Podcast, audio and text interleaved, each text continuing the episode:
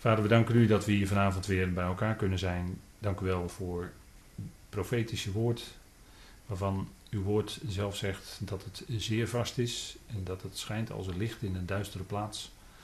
Dank u wel dat dat woord van u, dat evangelie van de heerlijkheid van Christus, ons hart verlicht. En dat we wandelen ook in dat licht van u.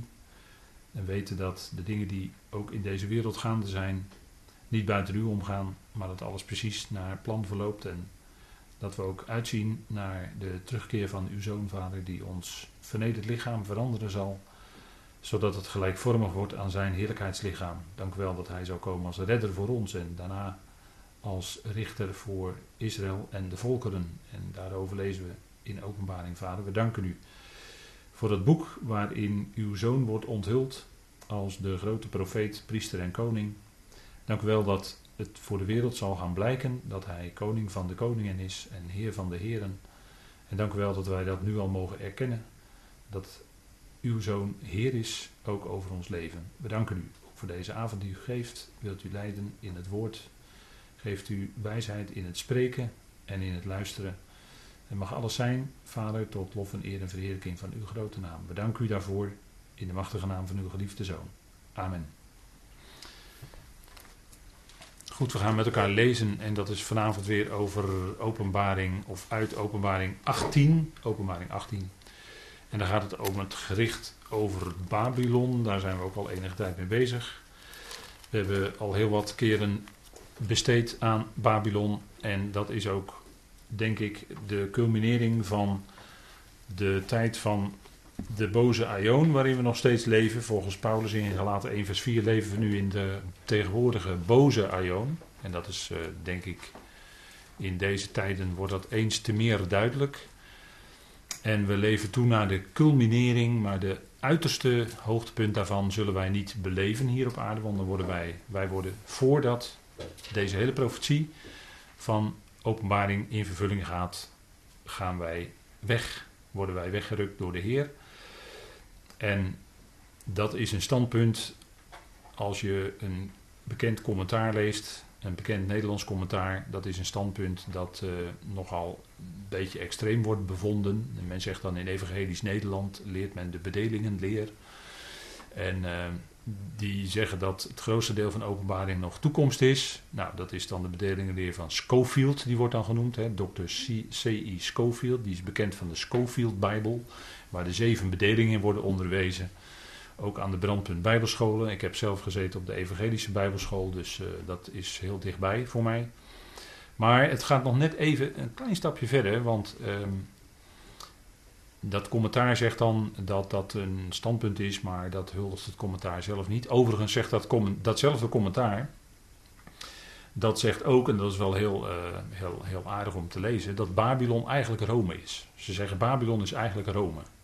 Want de mensen in die tijd die het toen lazen, die moeten dat direct herkend hebben. Want Rome is ook gebouwd op zeven heuvelen enzovoort. Uh, maar goed, wij zeggen dan gewoon van ja, maar Babylon is toch gewoon Babylon.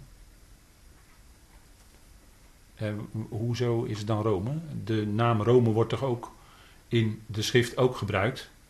Als Paulus daar komt bijvoorbeeld en, enzovoort enzovoort. Er wordt gewoon gezegd dat is Rome de Petrus heeft het ook over Babylon, hè? in 1 Petrus 5 meen ik. Hè? De uitverkorene verblijft in Babylon. En moeten wij dan in Petrus' brief, moeten wij dan Babylon niet opvatten als Rome? Maar als het in openbaring over Babylon gaat, is het ineens wel Rome? Ik stel ze maar even wat vragen. Hè? Dus u, u hoort natuurlijk wel dat ik het helemaal niet eens ben met het commentaar, want ze onderbouwen het ook niet. Ze stellen het gewoon. En uh, dan zeggen ze, ja, de profetieën uit, uit, uit Tenach, ja, daarin lees je over Babylon, maar dat is toen verwoest geworden, dus daar is geen toekomst meer voor. Het is eigenlijk Rome. Nou, ik snap ook wel dat ze dat moeten zeggen in zo'n commentaar, want dan lopen ze in de lijn van. Maar goed, Babylon is Babylon. En we leven in de tijd dat Babylon herbouwd is en wordt. Dus bijbeluitleggers die leefden toen er nog geen spoortje van herbouw was zeiden Babylon is gewoon Babylon. En dan noem ik bijvoorbeeld Dr. E.W. Bullinger. Ik noem C.H. Welch. Ik noem broeder A.E. nog. Die zeiden allemaal, en er waren er meer, maar die zeiden allemaal: nee, Babylon is gewoon Babylon. Die kenden natuurlijk ook de uitleg dat men Babylon opvatte als Rome. Maar die zeiden allemaal: Babylon is gewoon Babylon. En in onze tijd, sinds de jaren 70, 80, is Babylon en wordt Babylon herbouwd. Tegenwoordig weten we door de Chinezen. En dat zou wel eens in heel snel tempo kunnen gaan. Dus dat gericht komt over het Babylon. Het is ook die stad. Het wordt geïdentificeerd aan het eind van openbaring 17 als de stad. Het gaat over de stad. Goed, we gaan lezen met elkaar. We zijn inmiddels aangeland in openbaring 18 vers 6. En daar ga ik met u lezen. En u kunt meelezen op de dia. En er staat over, als het gericht wordt verteld over Babylon, geef terug aan haar zoals zij ook teruggegeven heeft en verdubbel het dubbele naar haar werken. Mengt in haar beker die zij gemengd heeft voor haar het dubbele. Zoveel zij zich verheerlijkt heeft en wilderig geweest is, geeft haar zoveel kwelling en rouw, omdat ze in haar hart zegt: Ik zit als een koningin, en een weduwe ben ik niet, en rouw zou ik in geen geval kennen. Derhalve zullen in één dag haar slagen aankomen, dood en rouw en honger. En met vuur zal zij verbrand worden, want sterk is de Heer God die haar richt. En ze zullen wenen en ze zullen zich slaan over haar, de koningen van de aarde die met haar gehoereerd hebben en wilderig waren, wanneer zij de rook van hun vuurgloed zouden zien, staande van verre vanwege de vrees voor haar kwelling, zeggend: Wee, wee, de grote stad Babylon, de sterke stad, dat in één uur jouw gericht gekomen is. En de koopmannen van de aarde wenen en rouwen over haar, omdat niemand hun vracht nog koopt. Een vracht van goud en van zilver en van waardevol steen en van parels en van batisten en van purper en van zijden. En van scharlaken en iedere soort citroenhout en iedere ivoren voorwerp en ieder voorwerp uit het waardevolste hout en koper en ijzer en marmer. En kaneel en gember en reukwerk en mirre en wierook en wijn en olijfolie en bloem. En graan en stukken vee en schapen en van paarden en van koetsen en van lichamen en zielen van mensen. En de oogsttijd de begeerte van jouw ziel is aan jou voorbij gegaan. En al het wilderige en het stralende is voor jou verloren. En in geen geval zal men hen nog vinden. De koopmannen van deze dingen, die verrijkt zijn door haar, zullen van verre staan, vanwege de vrees voor haar kwelling, wenend en rouwend. Zeggend: Wee, wee, de grote stad, die omhuld was met batist en purper en scharlaken, en verguld met goud en waardevol steen en parel dat in één uur zoveel rijkdom woest gemaakt werd. En iedere stuurman en een ieder die op de plaats vaart en zeemannen en al wie op zee werken stonden van ver. Even tot zover. Dan gaan we naar de volgende dia. Daar staat het overzichtje op dat u misschien al een keer gezien heeft. Dat heb ik de vorige keer gebruikt toen ik de studie thuis uh, insprak. Het overzicht uh, wat je kunt terugvinden in de Companion Bijbel van Dr. Bullinger. En vers 1 en 2 is dan het gericht van Babylon. Dat komt overeen met vers 5 tot 8. Gericht Babylon. Eerst wordt het aangekondigd en dan de redenen waarom. En dan het gericht in vers 21, Babylon, de manier waarop. Dus dat heeft allemaal dan een verband met elkaar. Hè? Dat ziet u in de structuur. En dan vers 3, Babylons verbondenen hun zonde, Babylons inwoners hun klaaglied, Babylons inwoners, vers 22 en 23, hun stilte. En dan 4, Gods volk opgeroepen, kom uit. Vers 20, Gods volk opgeroepen, verheug je. En 24, Gods volk, hun bloed werd gewonnen. Goed, dat even voor de overzicht, voor de structuur, hè, zoals die in dit uh, boek altijd te vinden is. En zo zijn er meer structuren terug te vinden. Eigenlijk staat heel Gods woord in dit soort structuren. Hè, kun je dat gewoon terugvinden. Dat is natuurlijk prachtig. Hier heb je dan een wisseling en soms is het ook een introversie en dan krijg je zo'n. En dan ligt de nadruk op datgene wat het meeste naar die kant toe staat. Dat is dan de, de, waar het nadruk op ligt vanuit de structuur. Nou, dat vind je op vele manieren terug in dit boek. Goed, we gaan met elkaar lezen vers 6. Daar komen we dan weer bij terug. Ze krijgt viervoudig terug wat zij verdient. Want staat in vers 6: geef terug aan haar zoals zij ook teruggegeven heeft. En verdubbel het dubbele naar haar werken. Dus verdubbelen dubbele, dan krijg je viervoudig. Maar het dubbele deel teruggeven is een principe van de wet. Hè? Exodus 22 zegt dat. Daar gaan we zo meteen naartoe. En dan wordt zij ook vergeld naar haar werken. Maar we gaan even naar Exodus 22, want dat dubbele teruggeven, dat is een principe uit de Torah. En voor het punt van gerichten en het punt van Gods lijnen die hij trekt, die vinden wij terug in de Torah. En dat heeft natuurlijk, dat is ook Gods woord en dat heeft natuurlijk in die zin natuurlijk wel degelijk zeggingskracht en werkingskracht. De Torah zei in de wetten in zaken diefstal, Exodus 22, vers 7, wanneer iemand aan zijn naaste geld of goed in bewaring geeft en het wordt uit het huis van die man gestolen, moet de dief als hij gepakt wordt het dubbel vergoeden. Als de dief niet gevonden wordt, moet de eigenaar van het huis. En dan staat er letterlijk naar de goden gebracht worden, of hij zijn hand niet heeft uitgestoken naar de bezittingen van zijn naaste. In de Statenvertaling staat dan rechters met een sterretje, maar er staat eigenlijk in de grondtekst het woord goden, dat is Elohim, dat betekent onderschikkers eigenlijk. Hè?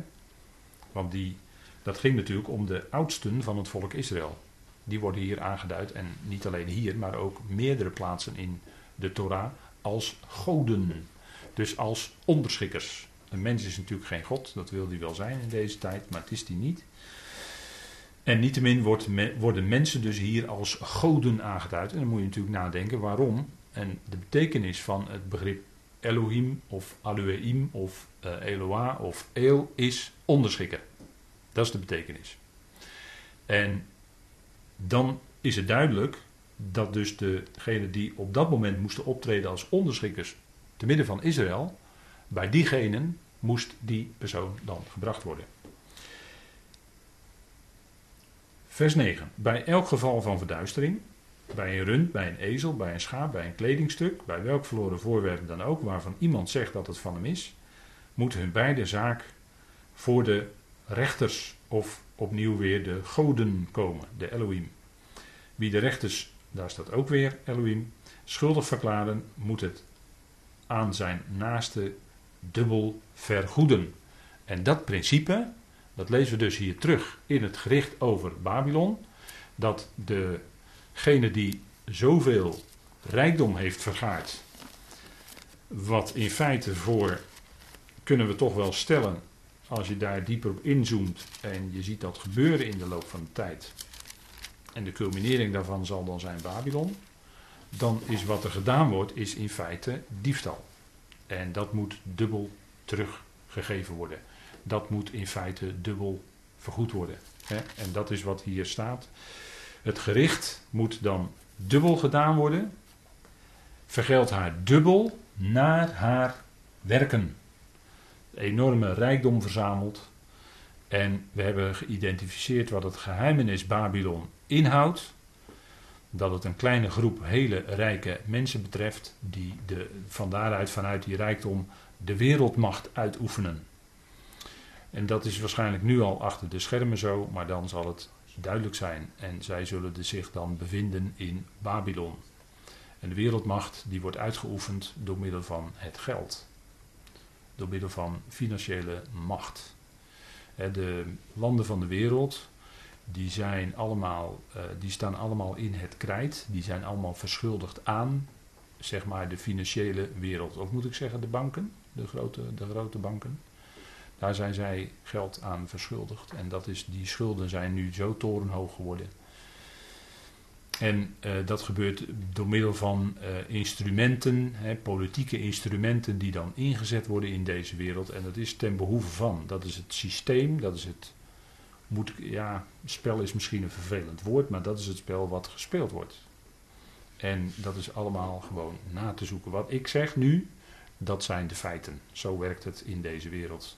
Dat kan iedereen die daar echt onderzoek naar doet, kan dat ontdekken. Kun je allemaal, het is allemaal terug te vinden. Het staat allemaal zwart op wit, is in boeken vastgelegd.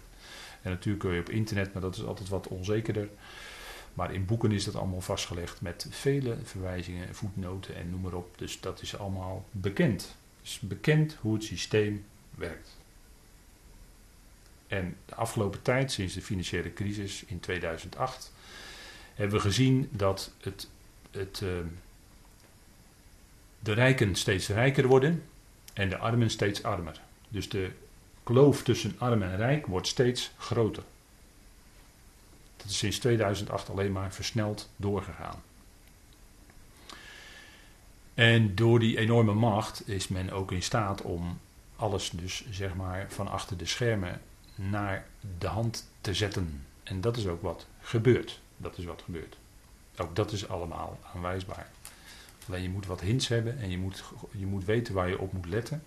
En als je dat weet en je let erop, dan zie je het allemaal gebeuren. En dan uh, naar haar werken, en dat is het gericht wat dan hier hè, als gevolg van de werken die Babylon gedaan heeft. Die werken die zullen hier gericht worden en heel snel zal die hele stad totaal, maar dan ook helemaal totaal verwoest worden. En het beest, het beest, wat bestaat uit tien koningen, hè, die leiding geven, hè, die, die, die vormen die macht van dat beest. Maar die worden bestuurd, hè, want die vrouw, die grote hoer, die zit op dat beest. En die beest die gaat dan, dat hebben we gelezen, die gaat dan op een gegeven moment die hoer haten als ze doorhebben hoe dat spel zeg maar gespeeld wordt. Dan haat zij de hoer en dan wordt zij vernietigd. En de stad Babylon wordt vernietigd door de Heer zelf. Want dat hebben wij gelezen met elkaar. Sterk is de Heere God die dat doet. Hè? In vers 8. Met vuur zal zij verbrand worden. Want sterk is de Heere God die haar oordeelt. Hè? Dat is Yahweh Elohim. Die voert dan het gericht uit over Babylon. En dat is die sterke God dat blijkt. De stad van waaruit de wereldmacht in de eindtijd wordt uitgeoefend. Die wordt in één dag en wordt nog sterker gezegd in één uur door vuur totaal verwoest. En dan zegt u, waar hebben wij dat meer gezien? Vraagt u zich dan af. Nou, bij Sodom en Gomorra bijvoorbeeld. Hè. Die, die steden werden ook omgekeerd door vuur en zwavel. En de sporen daarvan zijn in dat gebied nog steeds terug te vinden. Hè. De Dode Zee is daar ook een eh, bewijs van. En dat was eigenlijk het eh, modelgericht. Lot werd gezegd, ga eruit. En bij Babylon wordt ook tegen diegenen uit Israël die uh, daar oren naar hebben, wordt ook tegen gezegd: ga uit. Hè, ga uit van die stad, want die stad gaat verwoest worden. Dus dat is hetzelfde principe. De, de, de gelovigen, de rechtvaardigen, die worden op tijd gewaarschuwd en die gaan eruit. En dan staat ook mengt in haar beker, dat is natuurlijk eh, de beker, die gouden kelk hè, die we gezien hebben. De gouden kelk, Waarmee ze dus uh, al de koningen, hè, de koningen van de aarde, die worden hier ook expliciet genoemd, hè, waarmee ze de koningen van de aarde heeft uh, misleid, verleid, uh, tot afgoderij gebracht. Noem het maar op, we hebben dat gezien. Hè.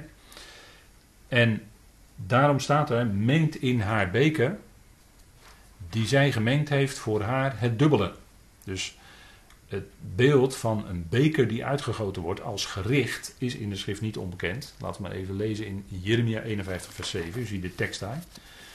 Die teksten hebben we natuurlijk al besproken, dus ik ga het nog even heel kort lezen. Maar de beker die uitgegoten wordt is ook een beeld van dat de Heer het gericht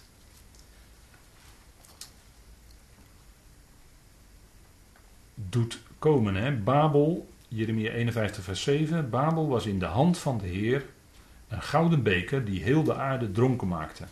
Van zijn wijn hebben de volkeren gedronken, daarom gedragen de volkeren zich als een waanzinnige. Plotseling is Babel gevallen en stuk gebroken. Erover. Haal balsem tegen zijn pijn, misschien zal het genezen. Nou, dit is natuurlijk profetisch gezegd. En dit slaat natuurlijk mede op de, het eindgericht over Babel. Dat Babel dus die uit die beker van de verontwaardiging van Jahweh gegoten zal worden. En daar het gericht op zal komen. Nou, zo ook Jeremia 25, vers 15, 16 en 26. Nou, dat kunt u zelf verder nalezen. Dus de stad waarin zoveel gebeurt wat van God afvallig is, afgoderij en de daarmee verbonden hoererij en noem maar op. Zo wordt het in de Bijbel natuurlijk ook vaak aangeduid. Hè? Hoederij, overspel, afgoderij, dat is uh, één op één in de schrift. Als Israël afgoden achterna loopt, dan wordt het met die termen allemaal door de Heer aangegeven. Hè? Heel duidelijk. En dat is Babylon, is daar de culminering van. En daarom moet zij dubbel ontvangen voor die zonden. vers 7.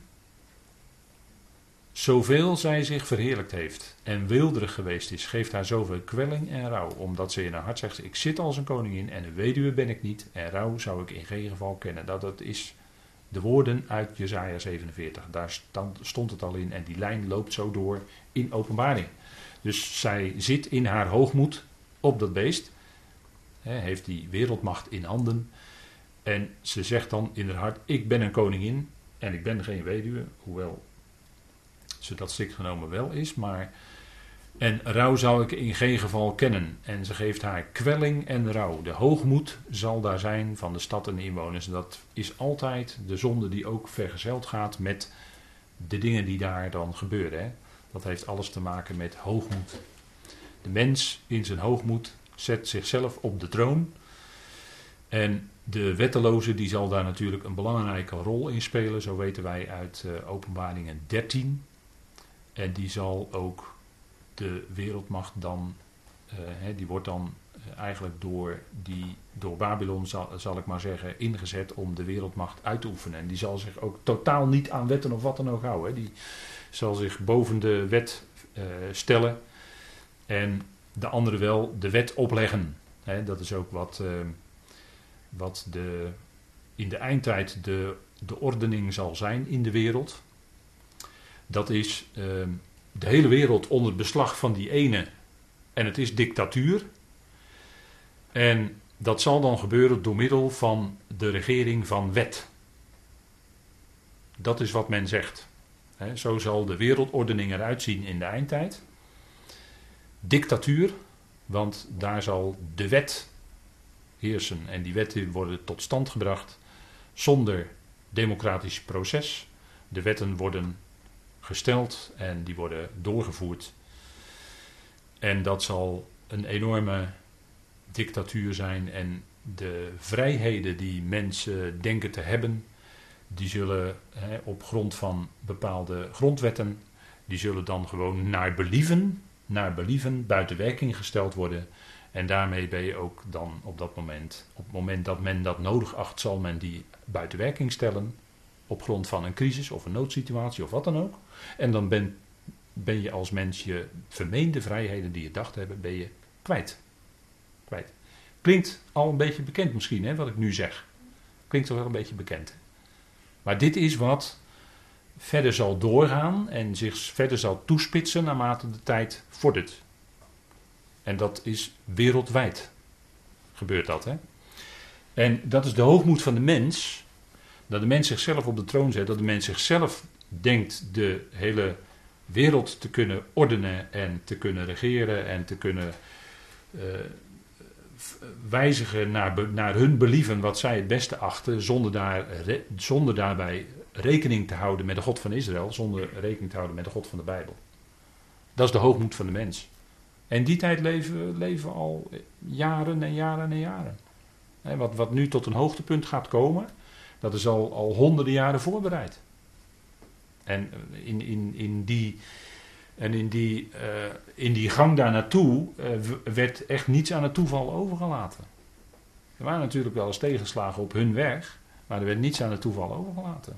Dus stappen zijn al lang gezet. Alles, hè, alle, hè, een, een, bekende bijbeluitlegger heeft ook wel eens gezegd, als het gaat om die landen in dat Midden-Oosten, alle schaakstukken staan op het bord klaar.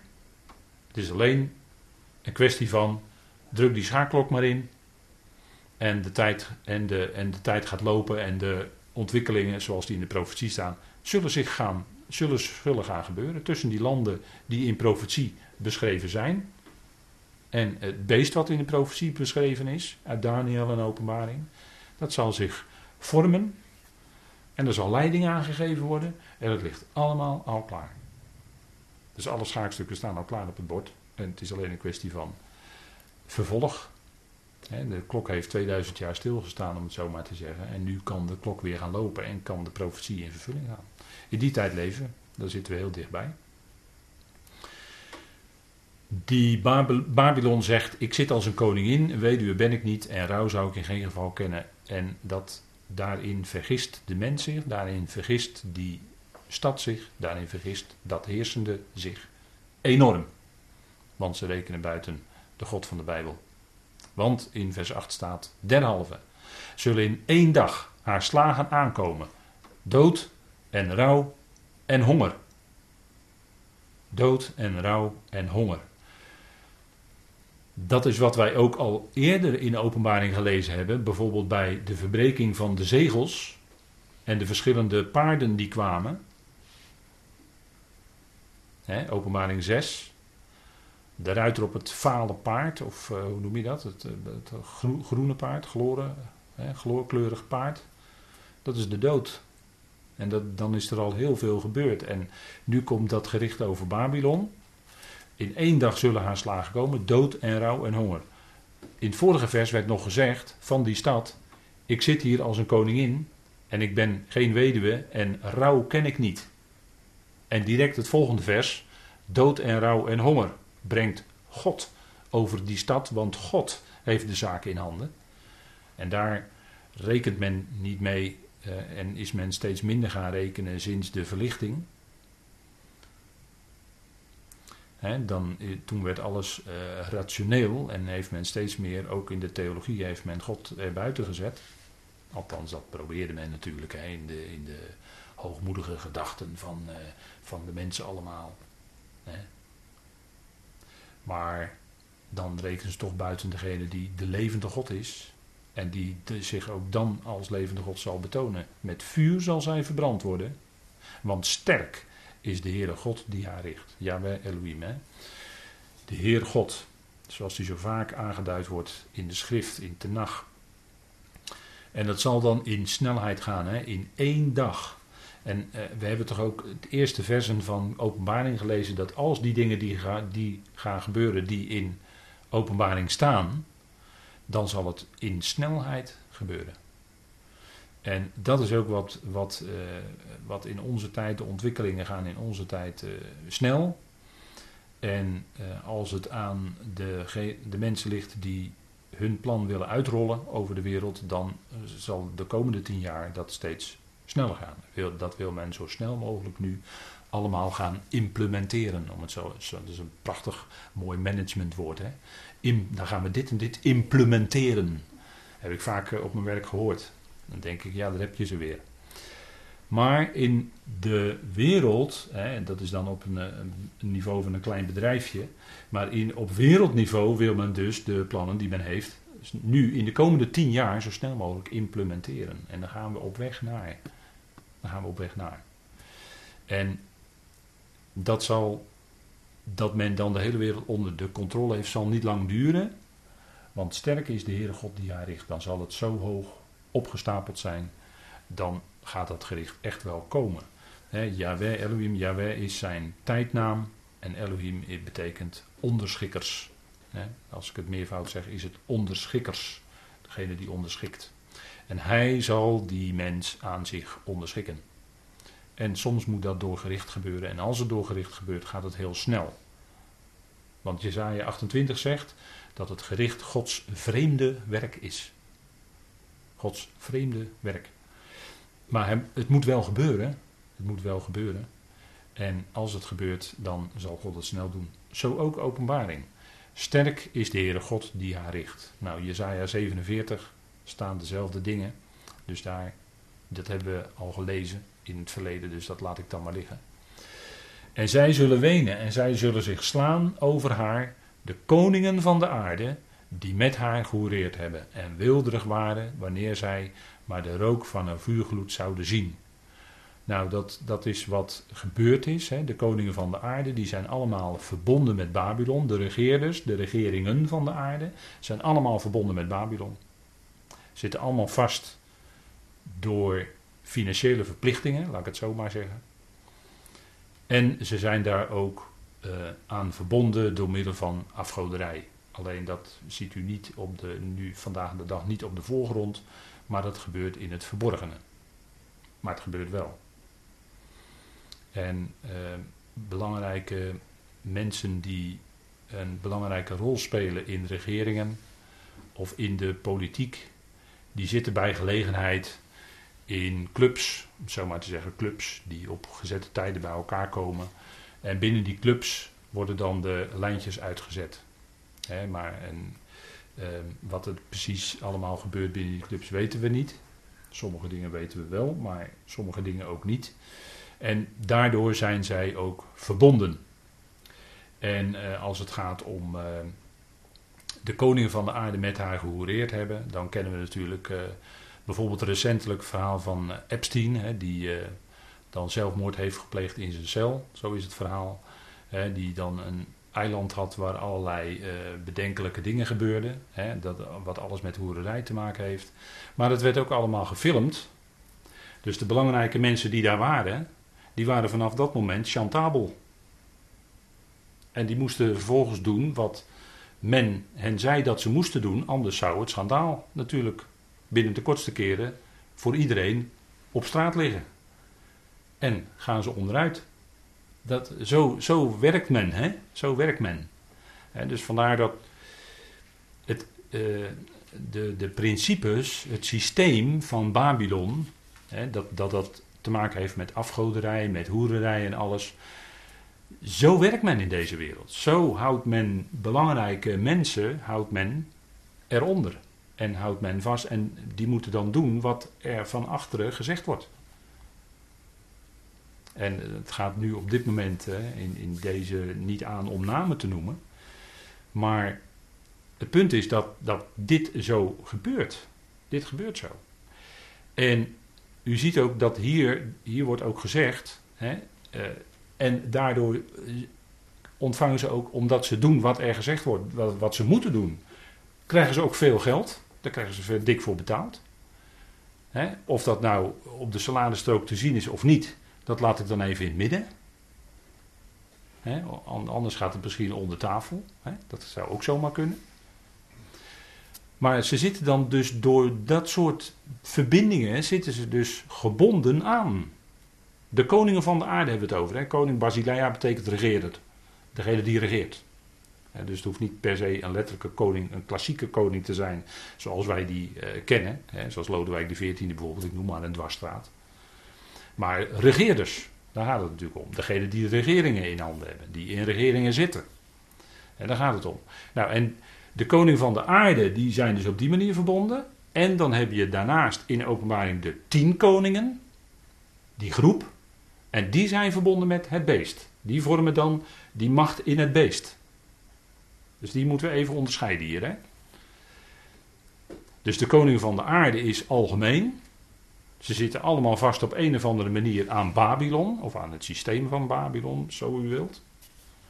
Maar in de toekomst letterlijk de stad Babylon dus. En de tien koningen die steeds genoemd worden, dat is een aparte groep en die vormen dan dus het beest. Dus de wereldmacht. Waar binnen het beest er zijn allerlei verwikkelingen, maar goed, dat is openbaring 17 en openbaring 13, waar er op een gegeven moment dan eentje, één sterke leider, de macht krijgt. Die krijgt dan in één uur die macht van die tien koningen toebedeeld. En dat is dan wat wij dan aannemen dat dat de wetteloze is uit uh, 2 Thessalonicense 2, zoals die daar door Paulus wordt beschreven. De, de mens der wetteloosheid, CQ, de wetteloze. Nou, en die, dat beest, dat haat op een gegeven moment die hoer en dan is het ook afgelopen. En dan zal men ook in de wereld doorkrijgen wat, wat voor spel er eigenlijk gespeeld is. En dan zal dat het einde betekenen. De koningen van de aarde die roepen: Wee, wee. En dat wee, wee, dat komt in dit stukje maar liefst drie keer voor. Er zijn drie groepen die dat roepen als zij zien dat de stad verwoest wordt. De eerste groep die vinden wij in vers, vanaf vers 9, dat is de koning van de aarde. En de tweede groep is de koopman van de aarde, die roepen ook wee, wee. En alle zeelieden. Want Babel, Babylon ligt ook aan water, aan de Uifraat en de Tigris. Dat is wel belangrijk. Hè? Er zijn natuurlijk eh, verschillende steden, hè? bijvoorbeeld Londen. Dan moet je een stukje de Theems opvaren, dan ben je in Londen. dat is ook zoiets, dan moet je even een stukje water weg. En dan heb je natuurlijk nog meer van dat soort uh, steden hè, die een stukje landinwaarts liggen. Maar zij roepen wee, wee. En bij het eerste wordt gezegd dat zij zullen, zij zullen wenen en zij zullen zich slaan. Dus er is nog toekomende tijd, hè, staat in de toekomende tijd. Bij de koopmannen van de aarde is het de tegenwoordige tijd. En bij de zeelieden is het, staat het dat zij riepen in de verleden tijd. Dus je ziet als het ware dat hele gebeuren, dat hele, die hele verwoesting van Babylon, zie je als het ware zo aan je voorbij trekken. eerst van, nog, uh, gaat het nog gebeuren, zij zullen, en dan gebeurt het, en dan is het gebeurd. Zoals een, dat, zo gaat die profetie dan als het ware voor de ogen van Johannes voorbij. En ehm, dat visioen beschreef hij dan, en zij roepen dan allemaal wee, wee. En niet omdat Babylon dan verwoest is, maar om andere redenen natuurlijk. Om redenen van henzelf. Reden van henzelf. Hun eigen handel en dergelijke gaat eraan. Hè?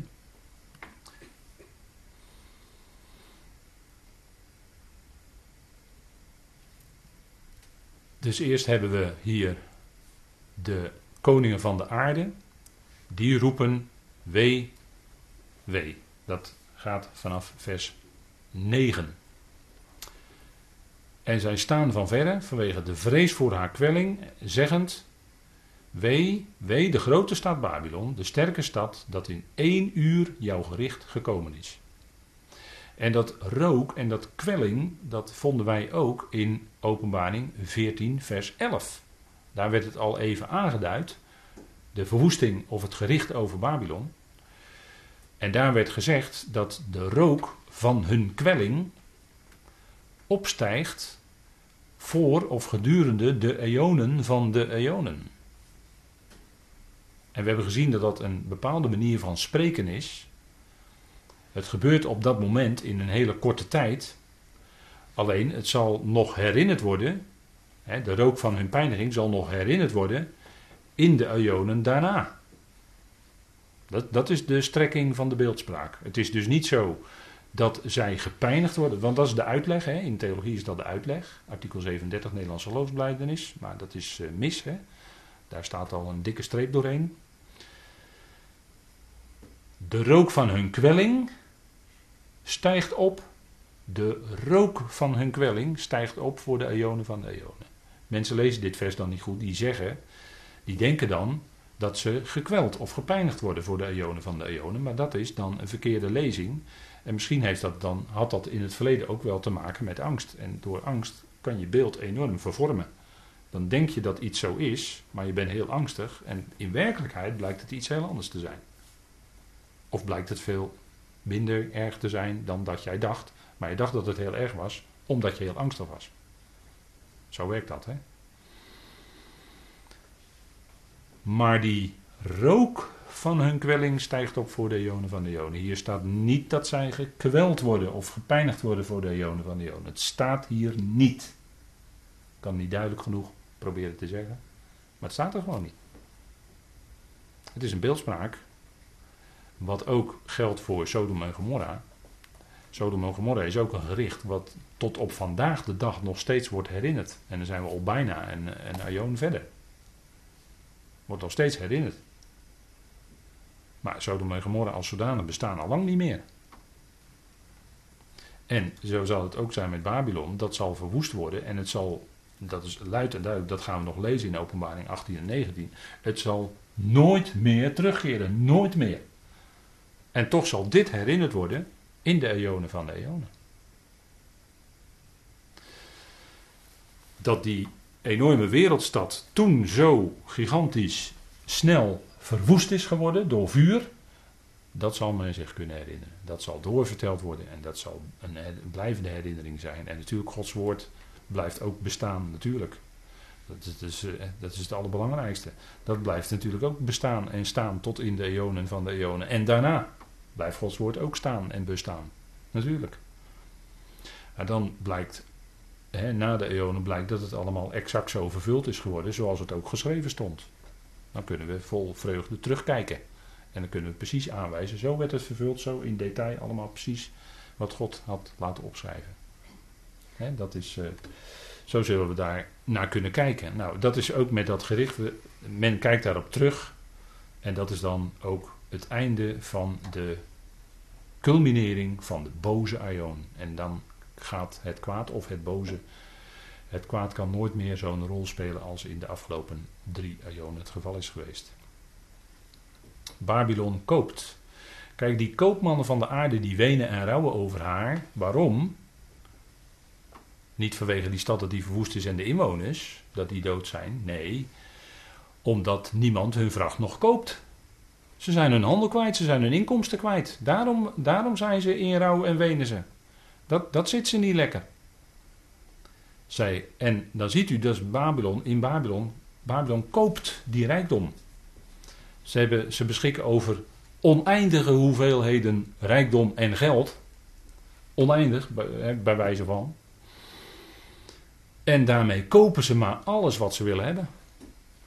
Alles wat hun ziel begeert, dat kopen ze. En dat, dat, hè, dat, dat is.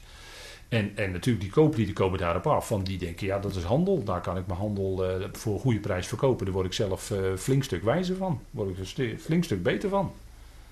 En die, die komen wel.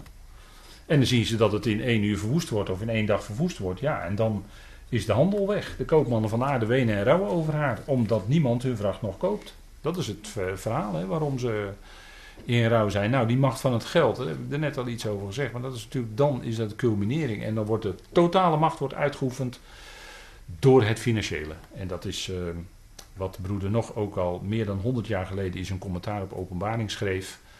Die schreef ook letterlijk: Money rules the world. En dan denk ik van nou broeder, ik ben nu 100 jaar verder, ik lees je commentaar en het is nog steeds precies hetzelfde. En het is misschien nog wel veel nadrukkelijker precies hetzelfde. Dus het is gewoon. En dan zie je ook dat als je Gods woord volgt en je bent een gelovige en, en, en Gods geest leidt je daarin, dan kijk je er ook doorheen. Broeder nog keek in die dagen er ook doorheen en die wist precies ook aan te wijzen. Kijk, daar zit het, daar zit het, daar zit het. En tuurlijk had gelijk. Hij had gelijk, want hij legde het langs de toets van Gods woord en dan zie je precies, dat is het. Dat is, dat is dan ook de waarheid, hè? Dat is dan ook de waarheid. Hij wees aan, hè? hij vergeleek bijvoorbeeld Babylon in zijn commentaar. U kunt het allemaal nalezen, hè? ik citeer nu uit zijn commentaar. Hij vergeleek Babylon met Los Angeles, waar hij toen woonde. En daar was toen net de opkomst van de filmindustrie. En hij zegt de filmindustrie, dat zeg ik niet, maar het is broeder nog in zijn dagen, 1917 praat ik dan over. De filmindustrie wordt beheerst door de Joden. De, en, en, als je nagaat in de loop van de tijd en je let daarop, dan is het nog steeds zo. Je hebt nog steeds veel invloed in de filmindustrie, nog steeds veel invloed in de muziekindustrie. En daar, wordt, waar, daar worden bakken met geld aan verdiend. Die hele filmwereld en, en de muziekwereld. uh, uh, de zanger Bob Dylan, die heeft uh, heel kort geleden zijn complete songboek verkocht. Voor 300 miljoen dollar. Dus die, is, die heeft flink gecashed erop. Hij heet eigenlijk Robert Zimmerman. En is van Joodse kom af. En is allemaal prima. Hij heeft met al zijn songs en was populair en heeft er daarmee verdiend. Prima. Maar doe er nog wees het wel aan, in die hoek moet je het toch zoeken. En dat was volkomen terecht. En dat hebben we ook gezien bij de besprekingen van het geheimenis Babylon, hè, waar dan de werkelijke uiteindelijke macht zit. En natuurlijk geldt dat niet voor alle Israëlieten, maar het gaat om een kleine groep daarbinnen. En de rest van het volk, dat is Israël, dat is Gods volk. God heeft dat volk lief. En dat, wij hebben dat volk ook lief, we bidden voor Israël. Alleen, het is een kleine groep en zo is er eh, eh, vanuit, en zo kan je net zo goed zeggen vanuit de andere volkeren, zijn er ook mensen die zich ook verrijken en die eh, ook bij een rijke eliteclub horen en noem maar op. Dus dat, dat is dan, in feite is dat gewoon precies hetzelfde verhaal. En maar het punt is dat het daar allemaal om, om draait. Hè? Om de handel, geld, weelde enzovoorts. En wat kan men dan, wat brengt men dan? Een vracht van goud. Het begint met edelstenen of met edelmetalen en edelstenen. Goud, zilver, waardevol steen, parels, batist. En dan komt de dure kleding. dat is dan de tweede categorie die men daar naartoe brengt, die ook de meeste mensen zich niet kunnen veroorloven. Van batist, van purper, van zijden, van scharlaken. En dat zijn ook niet toevallig koninklijke zaken, maar koninklijk is ook meestal expensive, hè, is meestal duur. En dan komt de gebruiksvoorwerpen van iedere soort citroenhout. Nou, citroenhout is een bijzonder houtsoort die uit het Atlasgebergte oorspronkelijk van Noord-Afrika komt. En dan gaat het om donkerbruin zwaar hout, wat men ook gebruikt als inleghout. En het ruikt ook lekker en het werd ook gebruikt bij het wierookbranden vanwege de aangename geur. Dus vandaar citroen, de naam citroenhout. Nou, een bijzonderheidje even tussendoor. Hè. En ieder ivoren voorwerp, ivoren is natuurlijk ook duur, hè, is steeds duurder geworden, die slagtanden van die olifanten enzovoort, het wordt natuurlijk steeds uh, kostbaarder. En ieder voorwerp uit het waardevolste hout en koper en ijzer en marmer. Dus zeg maar een opsomming, even tussendoor, het gericht, beschrijving, even de enorme weelde en rijkdom en, en, en overdadigheid die daar in die stad allemaal dan aanwezig is hè, en zal zijn. En dat gaat dus in één keer allemaal. En dan het voedsel, kaneel, hè, kostbare specerijen, kaneel, gember, dit is een kaneel-gemberkoekje. En reukwerk en mirre en wierook. Dus aangename geuren. En dan wijn, olijfolie, bloem en graan, levensmiddelen. En eh, wel heel luxe dan. En dan het vee, stukken vee en schapen en van paarden en van koetsen en van lichamen en zielen van mensen. En waarom staat er dan lichamen en zielen van mensen? Dat zijn slaven. Want de rijken hebben nog alles slaven tot hun beschikking, die zich met lichaam en ziel moeten inzetten voor de rijken.